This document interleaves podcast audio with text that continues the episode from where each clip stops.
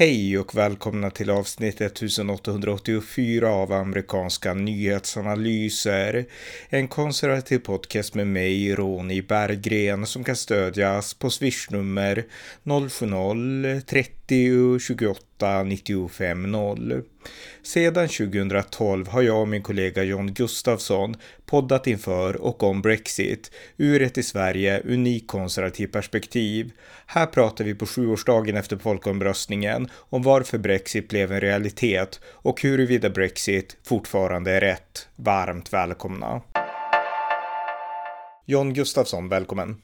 Tack så mycket! Eh, idag så är det midsommarafton här i Sverige den 23 juni, men det är också ett, eh, ja, en slags eh, historisk dag av en, en annan orsak också. Det är nämligen sju år sedan som Storbritannien, britterna röstade för att lämna EU när Brexit blev en verklighet. Och du och jag, vi följde ju valkvällen intensivt och vi jublade kan man säga när resultatet stod klart. Eh, vad minns du av den valvakan som vi höll? Eh, ja, det jag minns är att jag hade cyklat två och en halv mil den dagen av orelaterade anledningar och att det var eh, väldigt soligt och varmt och att jag var extremt solbränd. Och jag blir aldrig solbränd. Jag är en inomhusmänniska. Liksom jag, blir, jag blir aldrig solbränd. Eh, den kvällen var jag rejält solbränd. Så men jag glömde bort det när resultaten började komma in. Så så det var, det var ju... Eh, så det var, nej men... Eh, eh, nej, nej, men i alla fall, när, när eh, det, det jag minns framförallt det att det var... Det fanns en viss pessimism eh, från livsidan under dagens gång. Och det var ju för att eh, fem, eh, fem dagar före folk, folkomröstningen så hade Eh, Penny Cox eh, mördades. Hon var en, parlament, eh, en parlamentsledamot och hon eh, var för att stanna kvar i EU. Och hon hade mördats av en Liv-anhängare och det var alltså ett politiskt motiverat dåd. Givetvis ingenting Liv-kampanjen stod bakom, det behöver väl knappast sägas, men likväl. Och det här hade gjort att eh, trots att att Liv-kampanjen som ville lämna EU hade haft ett momentum och hade mycket vind i seglen i mätningarna under de två, tre första veck eh, två, ungefär två, tre eh, veckorna i juni, slutet av maj ungefär, så började mätningarna vända mot liv. Så vände de tillbaka. Så att inför, så att säga, på dagen för folkomröstningen så var mätningarna ungefär, att ja det kommer bli väldigt jämnt, men britterna kommer rösta för att stanna kvar i slutändan. Och eh, eh och vi ska också säga att Nigel Farage, han gick ut och helgarderade sig strax efter att vallokalen hade stängt. Och sa att, eh, och han fick frågan så här, så att ja, om ni förlorar nu så är, det, är den här saken avgjord då. Eh, liksom, eller vad, vad händer med Ukip? Liksom, kommer ni lägga ner? Är det här liksom, ja, är det ena frågan så att säga eh, på, av agendan? Och eh, Nigel Farage svarade att ja, om det blir 60-40, eh, då är det klart, då är frågan död. Blir det 52-48, eh, då, liksom, då har vi allt att kämpa för, då är ingenting avgjort. Mm. Ja. Och nu är det det här att det här citatet kom att jaga honom. För det blev ju 52-48, men till livsidan. Och det här var något EU-anhängarna senare använde för att mena att, jag menar, att man skulle fortsätta kampanjen för att stanna kvar i EU trots att folkomröstningen var över och att Liv hade vunnit. Så Jan Nigel Farage sa att 52-48 inte räckte.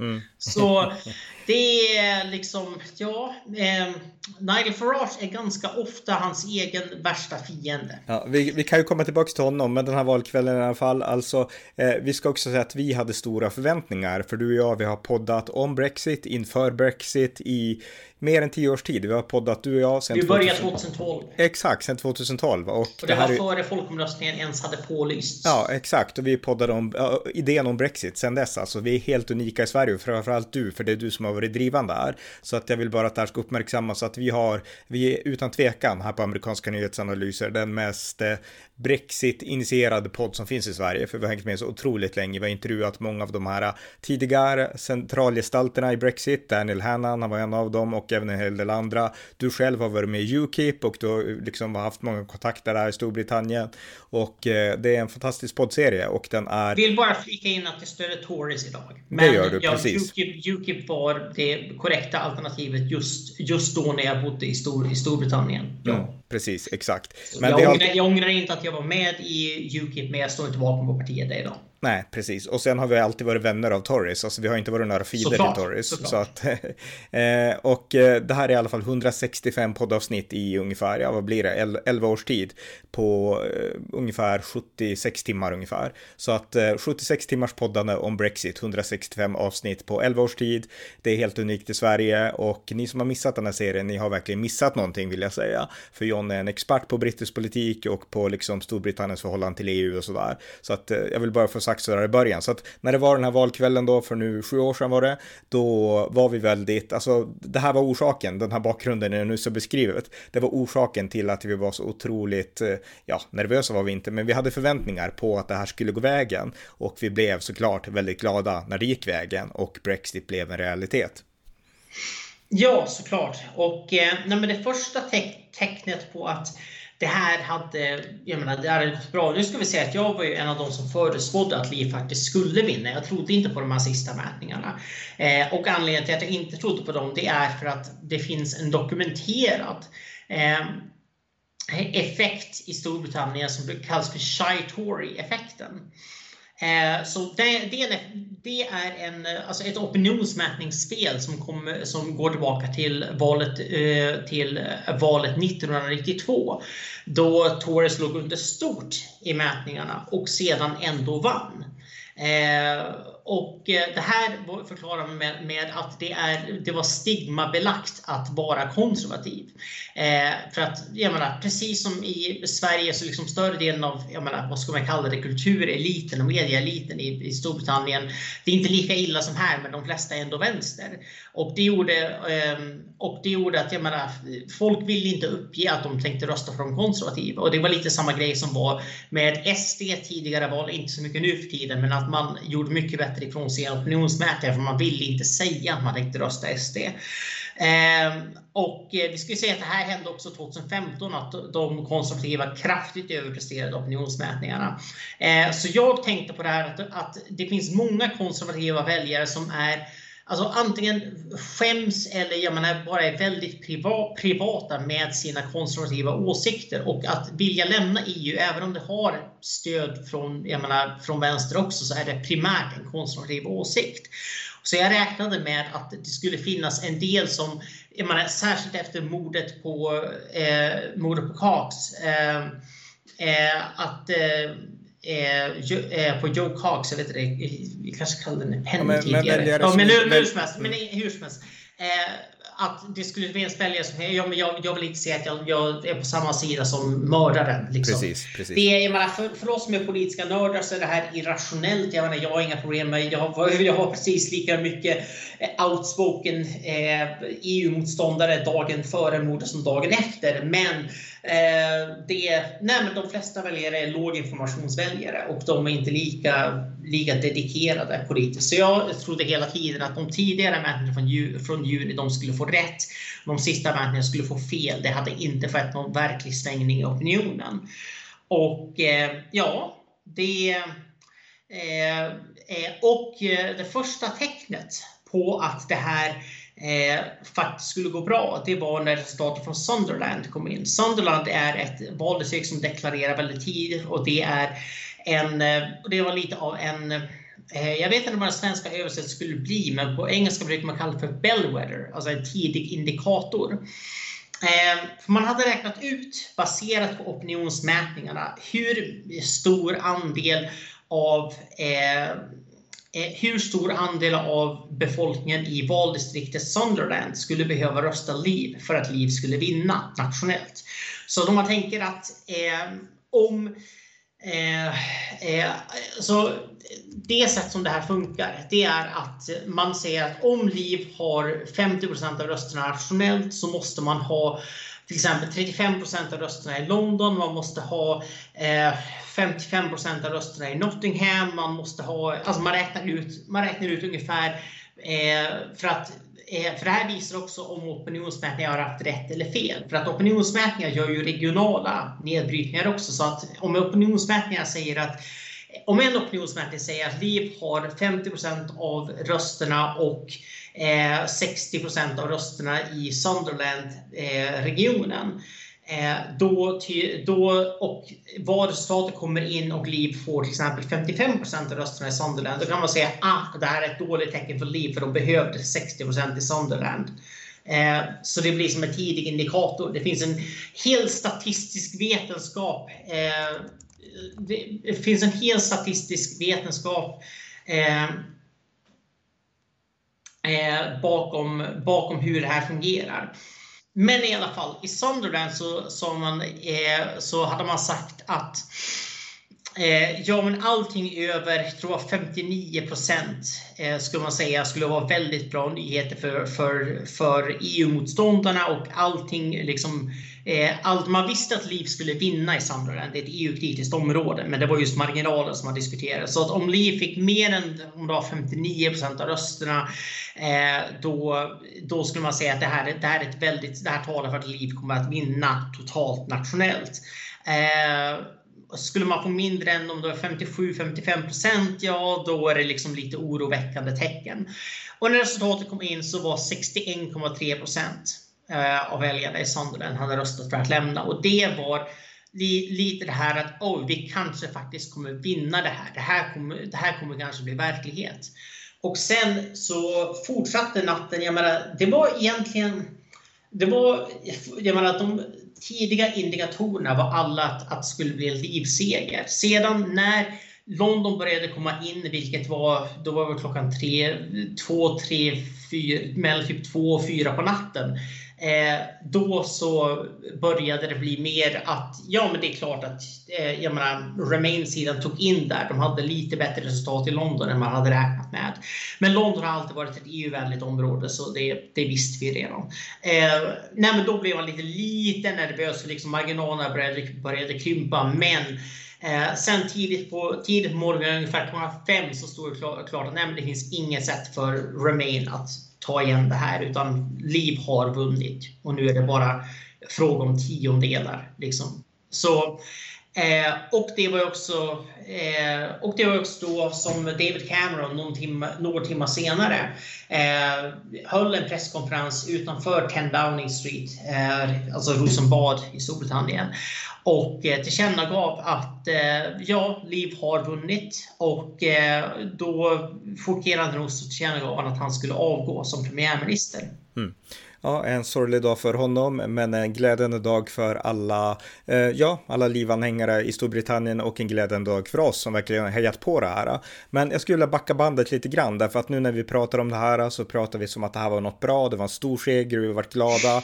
Och då är frågan varför? Alltså varför ville vi att Storbritannien skulle lämna EU? För det ville vi verkligen. Och jag kan bara säga att vi har gjort en ingående podd som handlar om, eh, ja, britternas 40-åriga destruktiva relation med EU. Det är poddavsnitt avsnitt 861 där du John går igenom i två dryga timmar EUs 40-åriga förhållande till Storbritannien och varför britterna kände att de behövde lämna. Så att poddavsnitt 861 finns i poddarkivet på amerikanska nyhetsanalyser. Eh, rekommenderar verkligen för er som vill veta djupet i det här. Men kort sammanfattat, alltså varför behövde britterna lämna EU?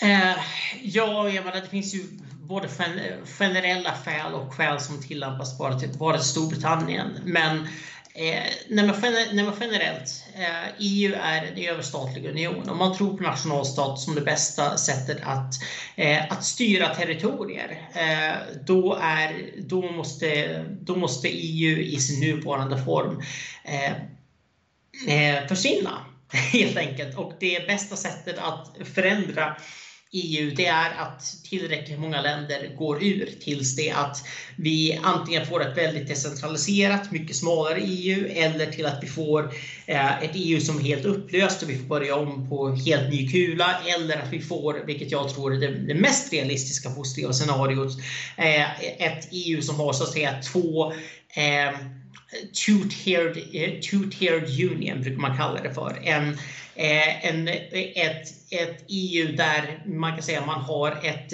ett vanligt medlemskap och ett premiummedlemskap. Så de länder som vill vara en del av ett Europas förenta stater, de är med i premiumversionen av EU och vi andra kan vara med och ha, jag menar, ha frihandel och jag menar, några av de andra bitarna men inte vara med så att säga på de, överstatliga eh, bitarna. Man kan ju tänka sig till exempel jag menar, Tys Tyskland, Frankrike, Luxemburg, de länderna är ju garanterat full speed ahead när det gäller eh, Europas förenta stater och vill de skapa ett sånt med sina länder emellan så ja, tråkigt tycker jag, men okej, okay, det, det, är upp till dem. Eh, men ja, mm. det...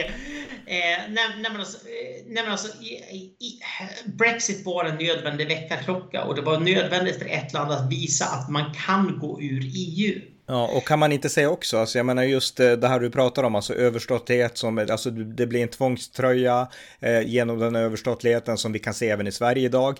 Men om det var något land som en sån här överstatlighet verkligen inte passade för så var det Storbritannien. För Storbritannien har varit ett imperium, de har varit vana vid att inte bara bestämma över sig själva utan även att diktera affärerna i världen och i Europa. Det är ett land med en frihetlig ådra på ett helt annat sätt än många andra länder i Europa. Så att jag menar, den här allt trångare tvångs tvångströjan, den passade verkligen inte Storbritannien så att Brexit blev i princip en nödvändighet därav. Ja, och man ska också säga att Storbritannien är ju det imperiet som aldrig besegrades.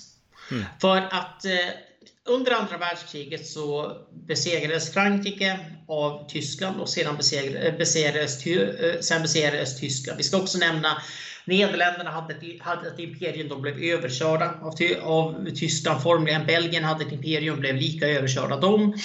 Eh, jag menar, alla egentligen imperier, imper, imperialmakter i Europa förlorade under andra världskriget, antingen i början av kriget eller i maj 1945. Men eh, Storbritannien däremot var på den segrande sidan. De segrade i kriget och blev ändå tvungna att ge upp sina kolonier. Att ge upp kolonier, det är det man tvingas göra när man förlorar ett krig. Och det, så att man tvingades göra det ändå, det var ungefär som att vad var det vi stred för egentligen? Jag menar, vad, det, liksom, det kändes inte som att man var vinnare. Och jag menar, det sättet, jag menar, jag har läst på om det här eh, mycket, inte, inte minst nu, nu bara de sista veckorna. Det sätt som USA, och du vet att jag är USA-vän, men det sätt som USA behandlade Storbritannien på, det var ovärdigt. Verkligen. Alltså man, ja. man gav sig in på att förnedra Storbritannien. Och de hade, och en, krig, de hade en krigsskuld ända, alltså bara tills häromåret egentligen till USA. Ja, och grejen är det att USA eh, gav ut lån inte bara till Stor Storbritannien, man gav ut lån till Sovjetunionen, man gav ut lån till alla de allierade. Man gav ut lån till Tyskland också. Och de lånen krävde USA inte att man skulle betala tillbaka på en gång. Man sa att ja, ni får uppskov för liksom era länder är så liksom sönder, sönderbombade. Med, med Storbritannien, liksom dagen efter krigsslutet så ringer USA och säger så den där skulden, eh, mm. pengar, tack, nu, omedelbart, tack. Mm. Och Men... eh, när Storbritannien inte kunde betala, för det kunde man inte, så krävde USA att man skulle, eh, för det här skulle vara ju dessutom i dollar, så Storbritannien behövde internationell valuta, de behövde dollar. Så det man tvingades göra det var att sälja kol till USA och den enda, eh, och det här gjorde att den eh, den kol som man sålde till USA, det var den finaste, alltså den bästa typen av kol och den smutsigaste typen var den som britterna fick nöja sig med hemma. Och det här gjorde också att Storbritannien hade ransonering ända in på 1950-talet.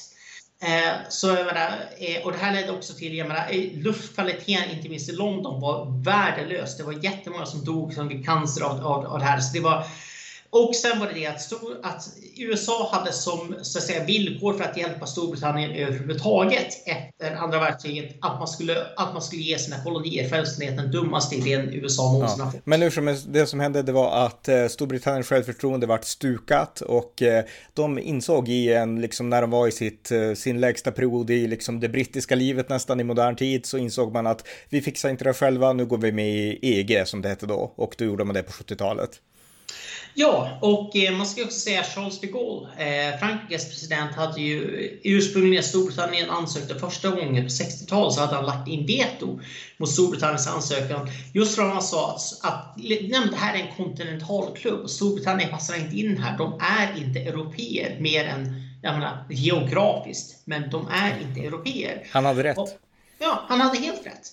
Det, det, det, jag menar, säga vad man vill om Charles de Gaulle, men han diagnostiserade Storbritannien ganska bra där. Och han sa liksom att det kommer bara bli evigt, evigt tru, trubbel om vi släpper in dem här.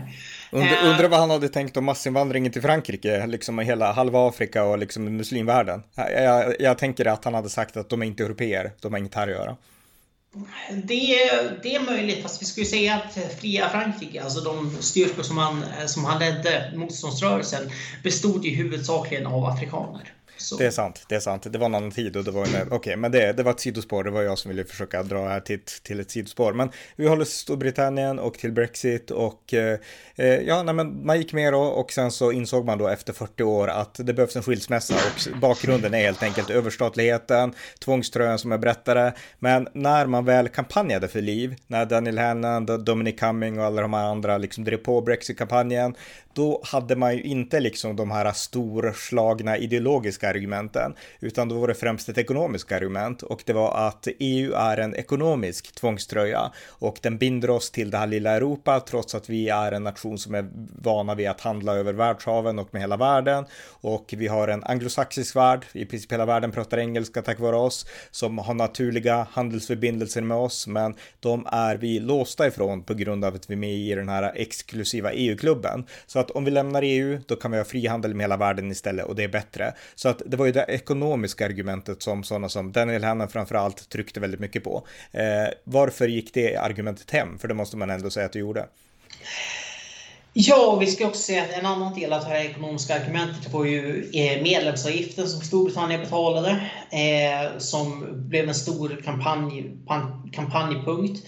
Eh, och eh, det andra, eh, den andra bit, biten av det här, det var, det var ju EUs regleringar, byråkratin helt enkelt, som var menade att, att det, eh, en stor del av EUs regleringar är inte nödvändiga egentligen. Och eh, Storbritannien skulle kunna göra bättre regleringar om man kunde få göra regleringarna och hem, på hemmaplan och anpassa dem efter egna förhållanden.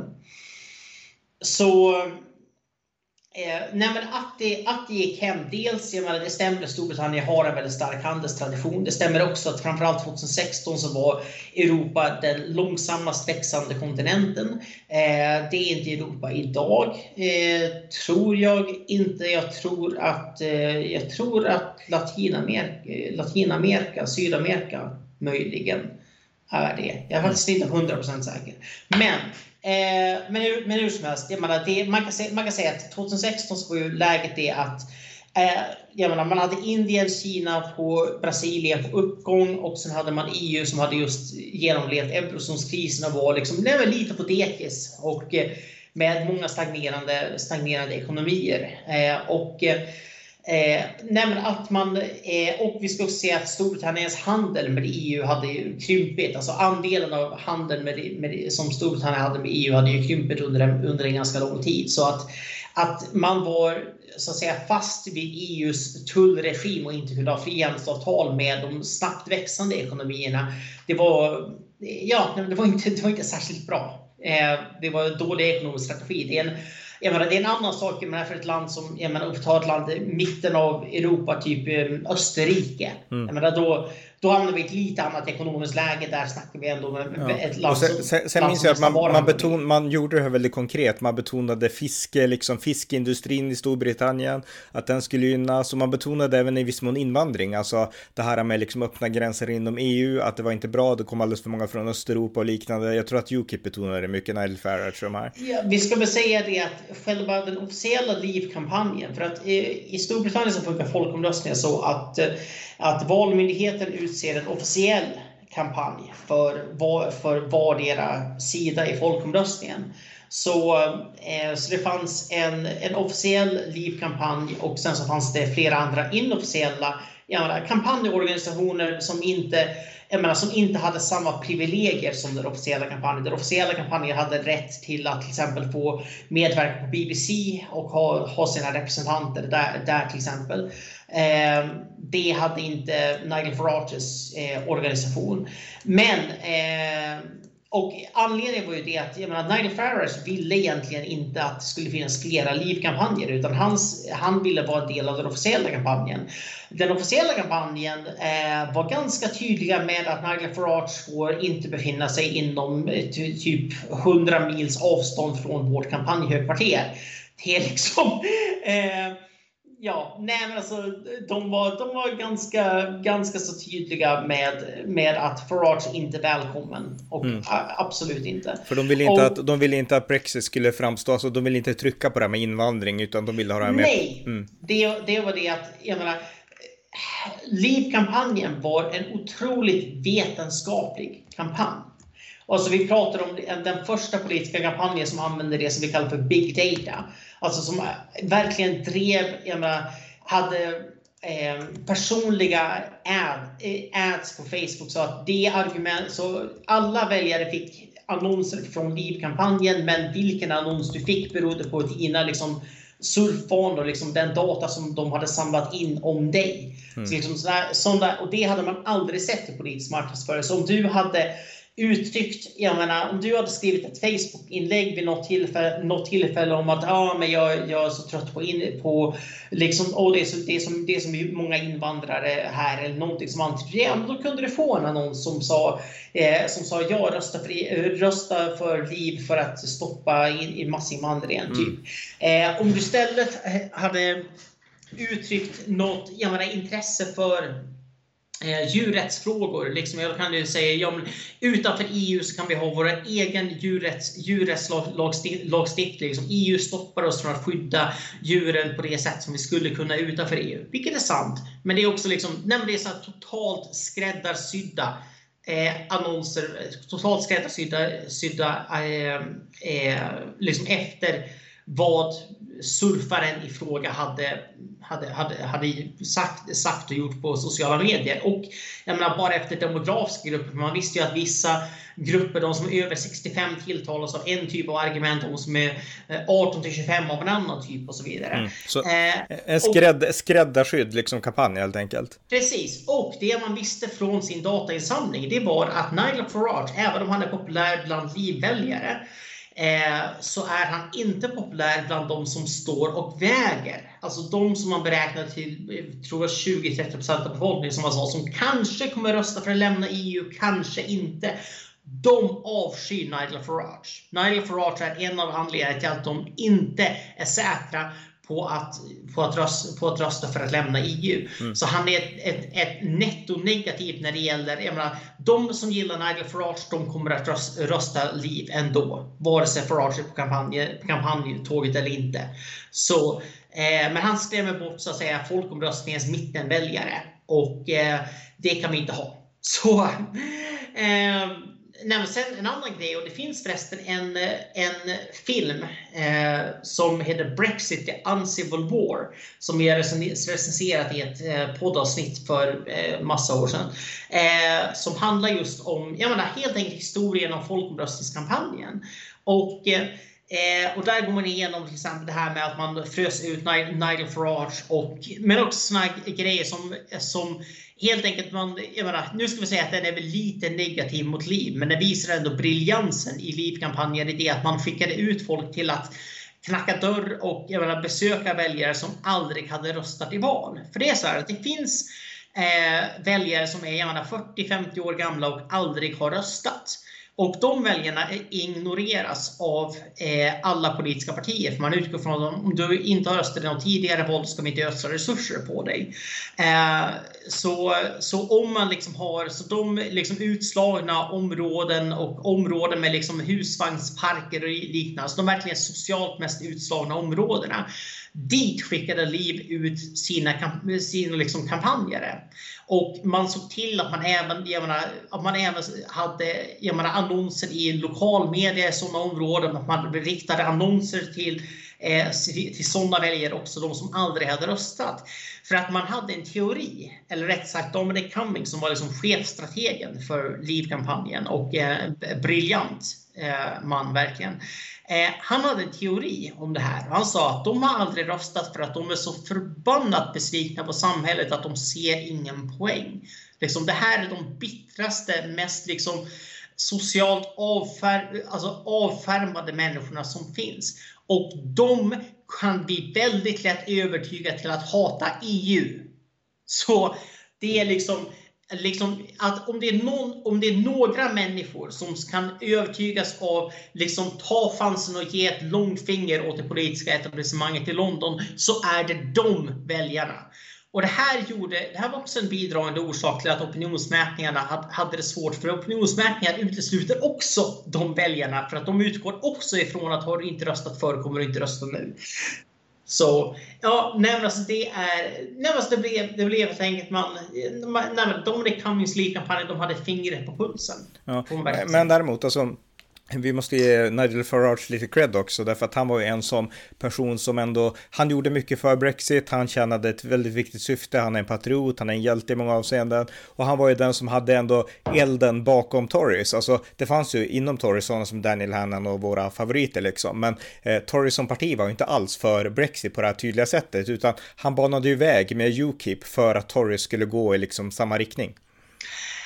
På sätt och vis, ja. Nej, men alltså Nigel Farage, som sagt, jag ångrar inte att jag var med i Ukip. Det var en nödvändig kraft och det tvingade fram eh, Nej, alltså det tvingade, det gjorde att eh, David Cameron blev bakbunden och var tvungen att utlysa en folkomröstning.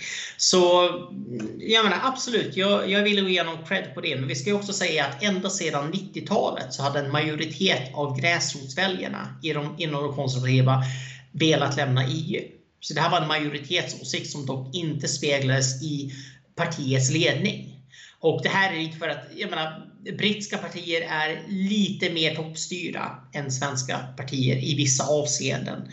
Eh, de har, jag menar, och jag menar, det, det är lite märkligt. Jag menar, på, det, på ett vis är man mindre toppstyrda för att man har eh, för att man har, man har självständiga ledamöter så att ledamöter kan rösta emot partilinjen om de vill. Eh, men samtidigt så, är, så, eh, så måste den som vill bli, eh, den som vill bli nominerad i en valkrets att, så att säga, bli partiets kandidat i ledarkretsen måste godkännas av partiledningen. Mm. Så ja, det är lite både och. Ja, men jag tänkte så här, vi går vidare i alla fall. Det här, alltså, det fanns en orsak till att man lämnade och man lyckades, alltså det var en ideologisk anledning, det jag pratar om, tvångströjan passar inte Storbritannien. Sen sålde man in det här genom att betona handel, genom att betona liksom de här sakerna vi har pratat om. Eh, Brexit blev en verklighet, men det fanns ju också väldigt många domedagsprofeter, både innan Brexit blev en realitet och definitivt efter, som menade att nu kommer Storbritannien gå under, det här är en ren katastrof och eh, du kanske kan påminna lite om de här domedagsprofeterna och domedagsprofetiorna och besvara frågan, blev det här, fick de rätt eller hade de fel? Domedagsprofeterna. Eh, ja, vi kan ju börja med George Osborne, dåvarande finansminister och eh, stark EU-anhängare. Han eh, gick så långt så att han hade förberett en krisbudget Eh, så han sa att om vi röstar för att lämna EU, då kommer, att, då kommer vi omedelbart att hamna i en 12 månader lång lågkonjunktur. Det är alltså en väldigt lång lågkonjunktur, det är lika långt som under finanskrisen. Eh, och vi kommer behöva en ny åtstramningsbudget, eller en eller flera åtstramningsbudgetar. Och det här var ju alltså Storbritannien under finanskrisen och åren därefter bedrev en åtstramningspolitik. Man skulle till varje pris balansera budgeten även om det innebar extrema nedskärningar i offentlig omsorg. Eh, och eh, jag menar, som ekonom, jag ser argumenten för den, för den politiken. Man, jag menar, det, det finns risker med att ha budgetunderskott när alla länder försöker låna pengar. Eh, alltså det finns, det finns argument för åtstramningspolitik, men den var impopulär bland brittiska väljare, såklart. Ingen gillar nedskärningar. Så att ta upp liksom det och säga, säga att ja, om ni röstar så här, då är det tillbaks till åtstramningar. Liksom efter, det var väl tre år sedan åtstramningspolitiken hade avslutats. Eh, då, så det, så det, det, var som, det var ett färskt minne. Så han spelade mycket på den psykologin. Eh, grejen är ju det att det blev ingen lågkonjunktur. Ett, det är det första. Det blev ingen lågkonjunktur. Och om vi, tar, om vi jämför med alltså jämförbara länder så har Storbritannien haft bättre tillväxt än Tyskland, än Frankrike och än Italien. Mm. Det här är alltså de fyra största länderna i Europa och Storbritannien har haft bäst tillväxt sedan 2016 av de här. Så, eh, och det är inte att säga att Storbritanniens ekonomi inte har problem. Det har vi ju täckt på den här podden. Det är klart att den har problem. Men det, det är liksom, ser man på det långa, det långa perspektivet eh, så nej, Storbritannien, Storbritanniens ekonomi tuffade på i ungefär samma takt. Mm. Så eh, vi kan också säga att det blev ingen åtstramningsbudget heller. Så, utan det enda som hände det var att centralbanken, Bank of England, eh, fick gå in med lite stödåtgärder därför att pundet föll ganska mycket dagar efter folkomröstningen för att ja, men investerare blev lite nervösa över vad som, vad som skulle hända så då fick man gå in, gå in med, lite stöd, med lite stödåtgärder. Men mer dramatiskt än så blev det inte. Ett, nej, nej, just ja. ett, ett, annat argument för att fortsätta med de här domedagsprofeterna. En person, jag tror att det var antingen var det Nick Clegg eller så var det någon annan på den vänsterliberala sidan som hela tiden pratar om att om Brexit blir en realitet då kommer vi att gå från UK till Little England, höll, höll han på att säga hela tiden, liksom han betonade Little England. Storbritannien kommer att bli mindre, inte större om vi går ur EU och vi är bara en liten pytte i den stora världen och vi blir Little England. Uh, ja, blev, blev det så? Ja, han brukar säga, säga I want to be great Britain, not little England. Så mm. eh, det var det som var hans, hans, hans motto. Um, Ja, vi kan ju konstatera att i the Global Soft Power Ranking eh, som görs varje år så har Storbritannien förbättrat sin position sedan 2016. Man har alltså större mjuk makt nu än man, än man hade då. Alltså man, eh, Eh, det finns ju hård makt som är militär makt där USA är ganska överlägsen etta. Eh, och så finns det mjuk makt, diplomatisk makt, förmågan att jag menar, kunna påverka i världen med jag menar, med handel och med sanktioner och med jag menar, andra, jag menar, andra medel än krigsföring, om man säger så. Eh, och så Storbritannien rankas nu, nu som tvåa i världen, bara, efter bara just USA i mjuk makt. Mm. Så Storbritanniens inflytande i världen är större. Man har gått om Tyskland. Eh, man har Eh, nej men alltså man, man, jag menar, det finns, jag menar, av, och det här är liksom inga Brexit-sympatisörer som skriver de här rapporterna, det här är bara, det är bara konstaterande. Eh, att Storbritannien är ett mäktigt land och det här har man visat inte minst i kriget i Ukraina.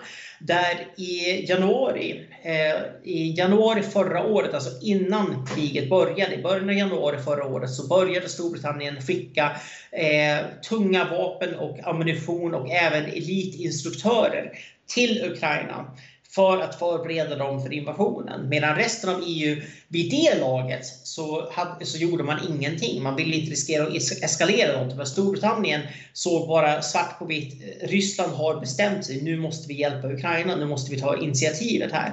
Och det gjorde att Ukraina, de första dagarna av invasionen som var så kritiska när Ryssland misslyckades med att etablera ett, ett, ett fotfäste, de misslyckades med att ta Kiev och allt det där. Det gjorde att de hade de vapen då som behövdes. För att det var det Ryssland inte hade räknat med. Mm. Eh, de hade aldrig trott att det här skulle bli ett utdraget krig. De, de räknade helt enkelt med att ja, men vi kommer att ta över Kiev innan någon hinner skicka liksom, en ammunitionslåda till, till Ukraina. Och eh, jag skulle säga även i början av kriget så var ju EU ganska tveksamma. Ja, alltså man fördömde ju Ryssland, men det var samtidigt, jag menar som eh, ambassadören, eh, Tysklands ambassadör till Ukraina sa, eh, ville från början inte skicka någon hjälp. Han sa till regeringen Kim, vi har bara 42 timmar kvar ändå. Så vad spelar det för roll? Eh, mm. Nej, men alltså det Eh, så där har man visat, eh, jag menar, där har man visat eh, hur, hur viktiga man är i världspolitiken. Ja, exakt. Jag menar, vi kan säga två saker här. Då dels har britterna ju tränat ukrainska soldater ända sedan 2014 när Ryssland intog Krim. Det var Storbritannien och USA som, som har liksom sakta byggt upp den liksom, ukrainska militären sedan dess. Och jag menar, även efter kriget då, när Sverige till och med, till och med vi insåg att vi måste komma med i NATO. Och vi insåg också att det här kommer inte gå snabbt och då insåg vi att vi behöver det som vår förra statsminister Magdalena Andersson Andersson kallade för säkerhetsförsäkringar tror jag hon sa. Ja, och, och, det fick vi av Storbritannien. Exakt, det var dit jag ville komma och det var, vi fick det inte bara av Storbritannien utan av Boris Johnson som var så för, förhatad här i Sverige. Alltså han utmålades som en idiot och blåste i huvudet och allting liksom. Och han kom till Sveriges undsättning. Ja, och det, det, är ju det att Storbritannien, jag menar trots att vi inte är med i NATO, så har Storbritannien lovat om Sverige blir attackerat så kommer vi försvara Sverige. Oavsett vad resten av NATO gör, vi kommer göra det. Och det trots att Storbritannien har ju fått inget annat än negativ press i ett årtionde typ från, från Sverige. Och trots som du säger att jag menar, varenda premiärminister de, de har haft har utmålats som en idiot och Boris Johnson i synnerhet. Men Storbritannien drivs av en frihetlig ideologi. Och det är det som är så viktigt, viktigt att betona. Och det gör att Storbritannien är, är alltid en viktig spelare i världen. Eh, och vi skulle säga, eh, bara på tal om det här med, med eh, handel eh, och det här med att vara, att vara isolerad, att vara Little England. Ska vi säga att nästa månad så kommer Storbritannien att gå med i CPTPP. Eh, och det är alltså TPP, det är alltså Trans, Trans-Pacific Partnership.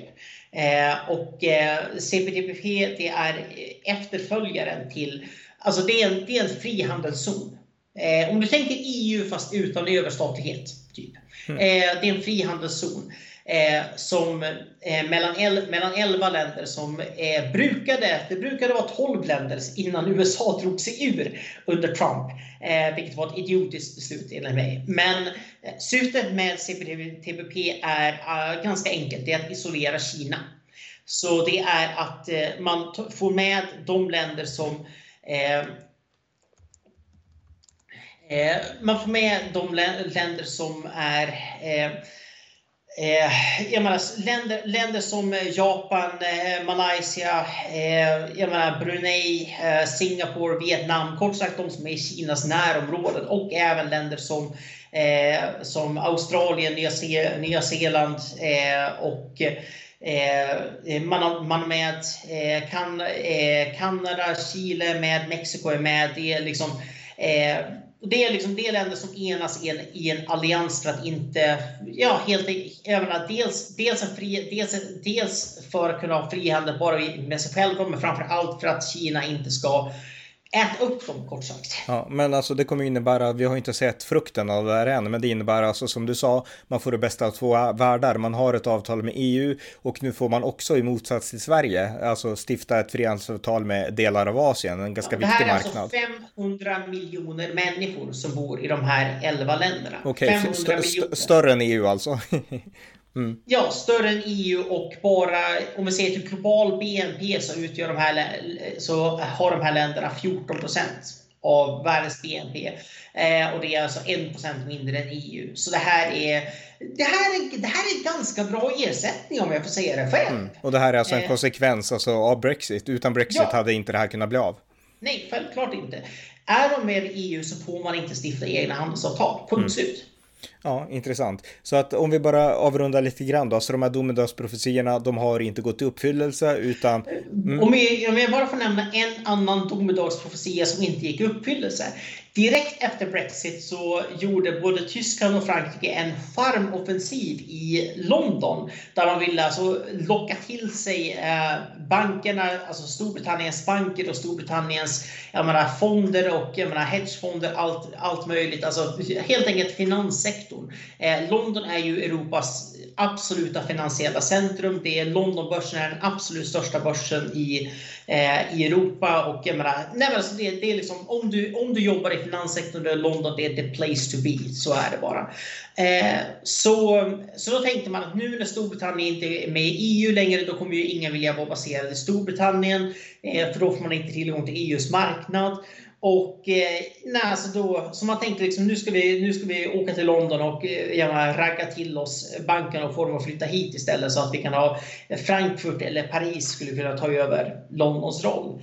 Eh, och eh, den internationella, eh, eh internationella eh, samarbetsorganet för centralbanker, som är, eh, inkluderar 60 olika centralbanker i 60 olika länder, eh, konstaterade i en rapport förra året att det här har gått miserabelt. Mm. Londons ställning är ohotad.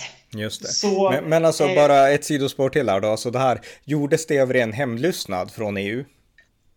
Eh, nej, det är väl mer att eh, finanssektorn i London eh, drar in en hel del skatteintäkter åt Storbritannien. Eh, och en hel del investeringsaktivitet gör det mycket lättare för eh, företag i Storbritannien också att det finns så, en så otroligt stark inhemsk eh, finanssektor.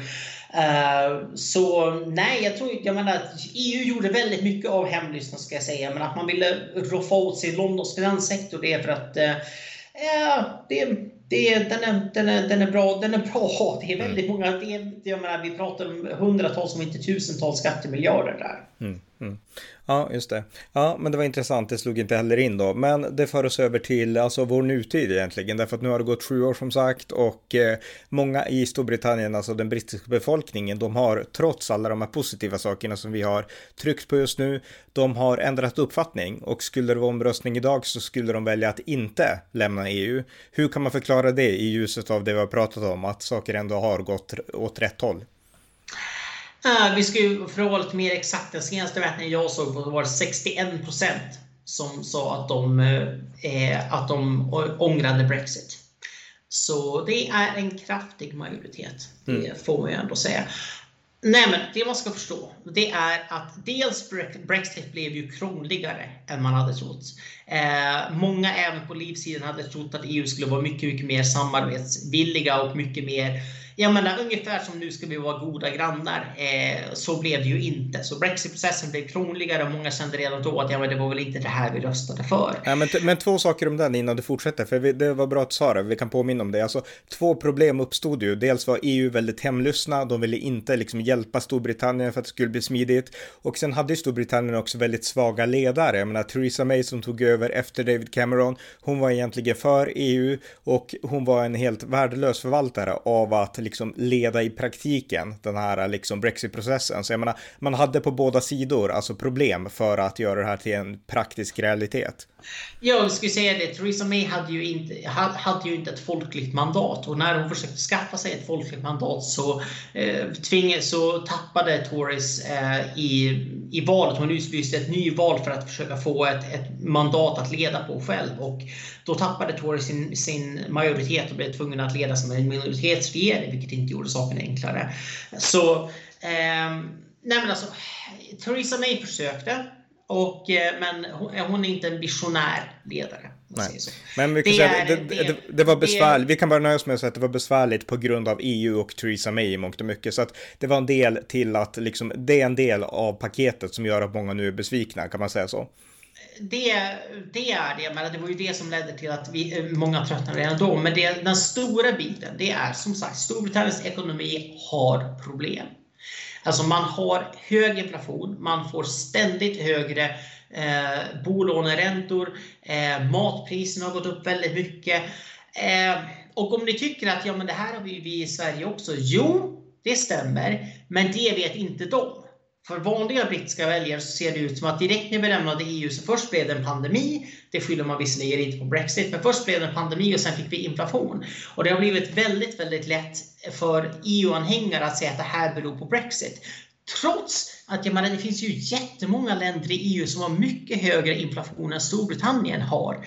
Men jag menar, sen är det att Storbritannien har väldigt äh, starka och krigiska fackföreningar. Och de har, jag menar, det har för, senaste året har präglats av i princip konstanta strejker. Om det inte är strejk i tunnelbanan så är det strejk i, på, i sjuksköterskorna. Och sjuk, om sjuksköterskorna inte strejkar så är det lärarna som har gått ut i strejk. Det, jag menar, det, det, nej men alltså Storbritannien har, Storbritanniens fackföreningshistoria är mycket mer, mer marxistisk och krigisk än LO som brukar vara mycket mer Eh, kan inte, jag kan inte fatta att jag försvarar LO, men LO mm. brukar inte bete sig så riktigt så oansvarigt.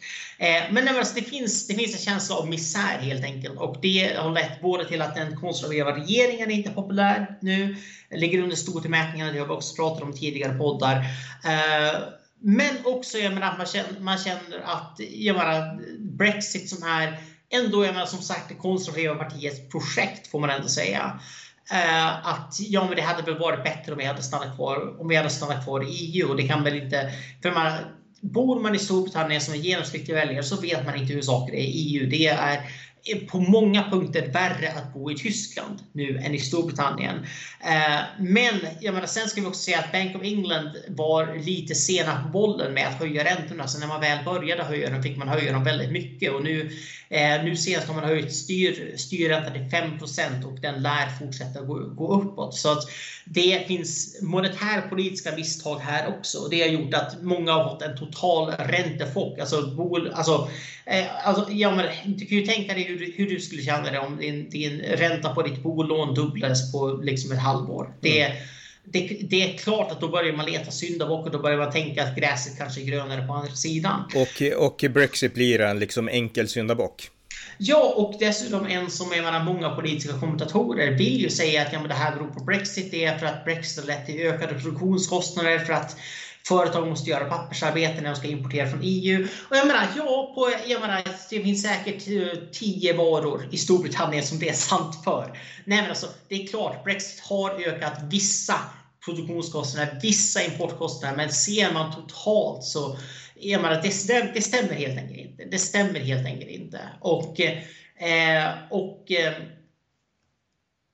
och jag menar inflation, det är som sagt, det har vi över hela Europa och inte bara Europa, i princip hela västvärlden nu har inflation.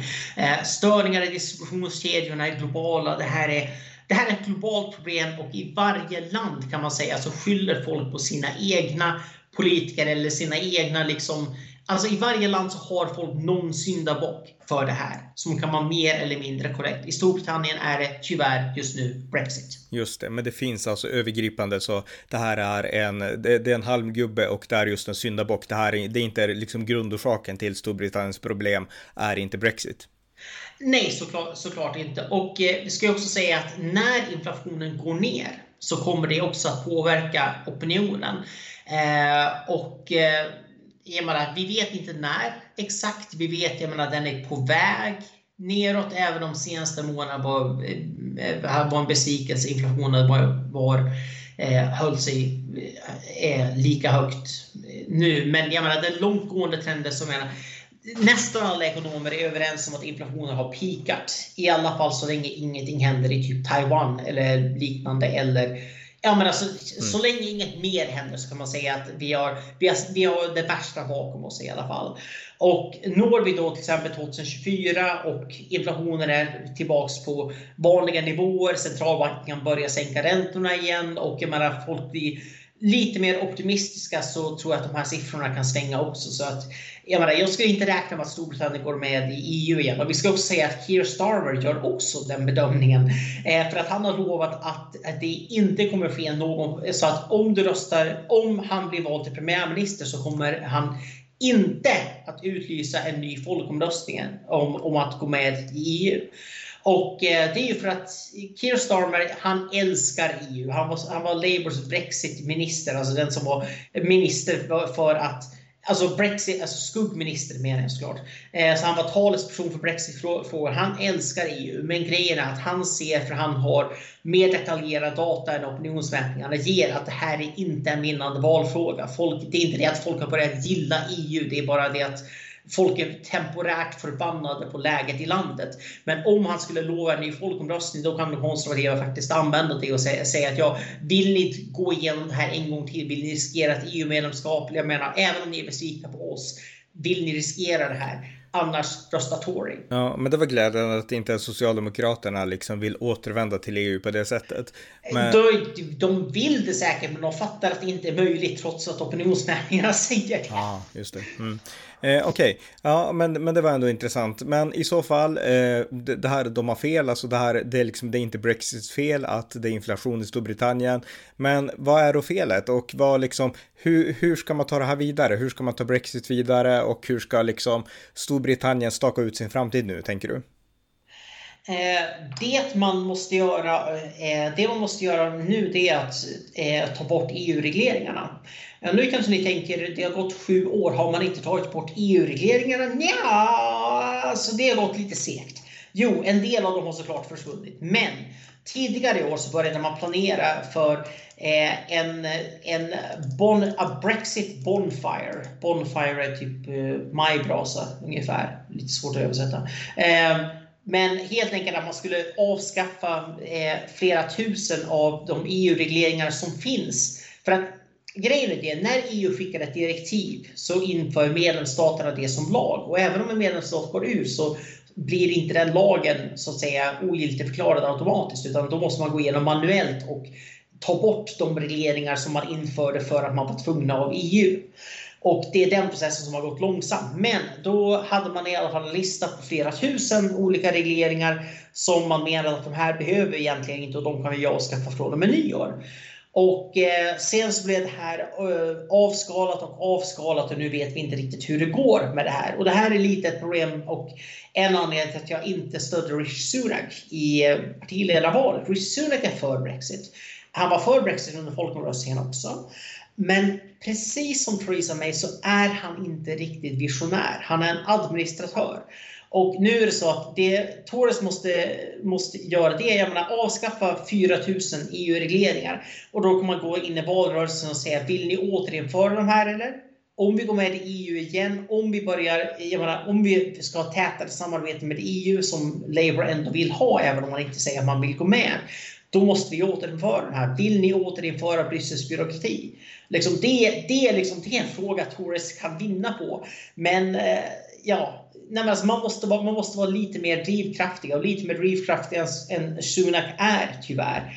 Och eh, det tror jag är det största, det största problemet. Eh, jag kan ju säga så här, att Liz Truss hade varit bättre om hon hade fått stanna kvar. Eh, hon var visionär. Hon var inte mitt förstahandsval heller, men hon var i alla fall visionär. Det får jag ju säga. Och eh, hade Tories bara stått bakom henne och hennes revolutionerande liksom Thatcher-liknande budget eh, så hade man varit mycket, mycket bättre läge nu. För att de, det hade blivit en tydlig kontrast mellan Labour-politik och Tory-politik och den politiken hade börjat ge frukt. Mm. Och Liz Truss hade också, jag menar, ja, hennes, jag menar, hennes majbrasa av EU-regleringar, den hade varit till, till enorm, kan ju säga. Hon hade, det hade varit typ en skogsbrand, om vi säger så. Eh, men jag står också fast vid att Kimmy Badenoch var det bästa alternativet och jag tror att Tories tyvärr kan få sota för det här. Mm. Men som sista fråga då, alltså bara för att göra, ge ett kort och koncist svar här. Var Brexit rätt? Ja. Även så här i efterhand då? Ja. Mm, ja, du vill inte motivera det lite längre? Jag har suttit och motiverat i en timme, Roland. Okay. Du tycker inte det räcker? ja, okej, okay, det räcker. Ja. Nej, men ja, det var ett bra svar då. Så att eh, Brexit var rätt och eh, ja, jag hoppas att ni har fått lite bakgrund här och vill ni gräva mer i hela den historien om Brexit så är det alltså 76 timmar eh, som finns i poddarkivet där vi pratar om Brexit. Så tack så mycket John. Tack själv. Tack för att ni har lyssnat på amerikanska nyhetsanalyser, det konservativa poddalternativet i svensk media som kan stödjas på swishnummer 070-30 28 95 0 eller via hemsidan på Paypal, Patreon eller bankkonto. Skänk också gärna en donation till valfri Ukraina-hjälp. Allt gott tills nästa gång.